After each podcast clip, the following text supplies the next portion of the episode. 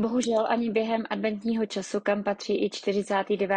týden roku 2021, nepřináší pohled na aktuální informace ze světa cen energií dobré zprávy. Ceny elektřiny i plynu jsou na burze opět na novém maximu. Cena elektřiny se dostala nad hranici 180 eur za megawatt hodinu, což je o dalších 20 eur více, než tomu bylo ještě na začátku října. Znovu tak dochází ke skokovému nárůstu cen, které se s prodlevou projeví také na účtech nás všech v České republice. A to drasticky. Odcházející superministr Karel Havlíček oznámil, že u elektřiny asi o 50% a u plynu to může být zdražení až o 70%. Vyzývám proto odcházející i nastupující vládu, aby společně připravila zrušení emisních povolenek, které zásadně ovlivňují ceny energií. Dle slov Jiřího Gavora, výkonného ředitele Asociace nezávislých dodavatelů energií, se zdražení přitom tolik nedotkne státu s vyšší kupní silou, jakým je třeba Německo. Jedině sebevědomým postojem a tlakem na Evropskou komisi tak budoucí vláda může docílit zmírnění dopadů evropské zelené politiky, nastolované státy, na níž obyvatele zdražování energií nedopadne tak šíleným způsobem jako u nás. O tom, jak v podobném případě postupují ve snaze o pomoc svým občanům suverénní země, se přesvědčí například v Norsku, kde vláda poskytne svým obyvatelům záchranný balíček ve výši 20 miliard, jenž bude primárně určen pro domácnosti postižené vysokými cenami energií. Uvidíme, Zda se dočkáme podobného opatření i v podání naší nové pravicové vlády. Přesně tohle je totiž podle KSČM situace, ve které by měl stát svým občanům být oporou. Energie pak nejsou ani zdaleka tím jediným, co bude v Česku příští rok zdražovat. Pandemí způsobené rostoucí ceny energií, dopravy, ale i papíru budou mít v roce 2022 za následek také výrazné zdražování knih.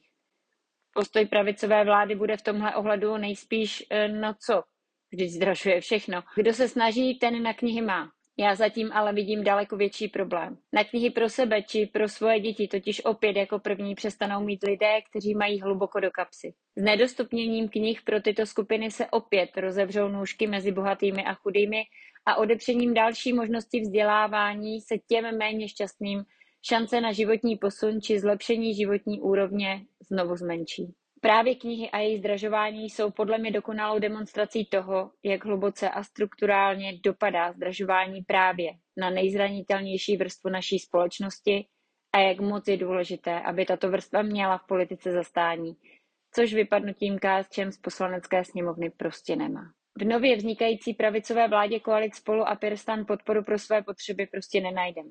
O tom, že nová vláda bude šetřit především na občanech, zatímco bude zřizovat drahá nová ministerstva pro uspokojení všech stran ve vznikajícím vládním slepenci, jsem vás již v předchozích dílech informovala. Jako další důkaz může sloužit fungování této spolupráce v krajích. Třeba v kraji středočeském došlo po 122 letech ke zrušení veřejné služby v podobě rožmitálské lokálky. Mimochodem, minulém volebním období, kdy se na vedení kraje podílela KSČM, byl radní pro dopravu jeden. Teď si vládní krajská koalice vytvořila nové korítko a má radní zabývající se dopravou dokonce dva. Jen připomínám, že uvolněný radní kraje si dnes přijde na téměř 110 tisíc korun měsíčně. Takže za čtyři roky stojí daňové poplatníky, včetně odvodů, více jak 6 milionů korun. A přitom výčet funkcí radního středočeského kraje Boreckého ze stan nekončí. Zároveň zvládá i starostovat v úvalech. Přesto však ve srovnání s panem Martinem Kupkou z ODS působí jako chudý příbuzný, protože Kupka k funkcí náměstka pro oblast silniční dopravy v kraji, starosty Líbeznic, poslance parlamentu a místo předsedy ve straně si brzy přidá ještě post ministra dopravy. Sebe tedy Martin Kupka rozhodně nešetří. Akorát je škoda, že během sezení na pěti židlích nezvládá svěřené agendy spravovat tak, aby nedocházelo k šetření na veřejných službách. Nejen v kontextu neustávajícího zdražování, které nejvíc dopadá na vrstvu těch nejchudších obyvatel, by se nová vláda měla prezentovat sebevědomou zahraniční politikou a nebát se otvírat diskuze ohledně toho, na co má náš národ historické právo. Třeba tak, jako to udělali v Polsku, kde nově zřídili Institut pro válečné reparace. Tedy něco, po čem u nás KSČM veřejně volá dlouhodobě. Například, když v roce 2018, kdy náš poslanec Jiří Valenta interpeloval Andreje Babiše ohledně této historické křivdy, kdy Německo z reparací vyčíslených po válce československou vládou na 306 miliard korun v tehdejší měně uhradilo pouze směšných 230 milionů.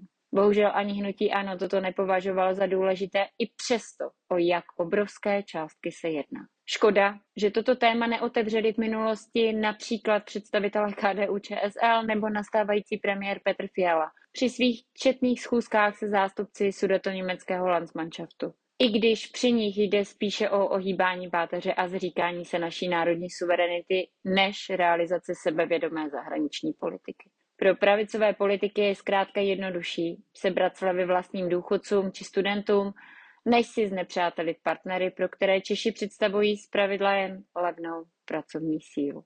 KSČM je tak u nás zjevně jedinou stranou, které nejsou lhostejné oprávněné mnohamiliardové nároky českého státu za mrtvé, zraněné a odvlečené během války. Podle KSČM mohou být korektní vztahy mezi sousedy nastoleny jedině tehdy, až jsou oprávněně a mezinárodně uznané pohledávky vyrovnány. Přeji vám hezké dny a těším se za týden na viděnou.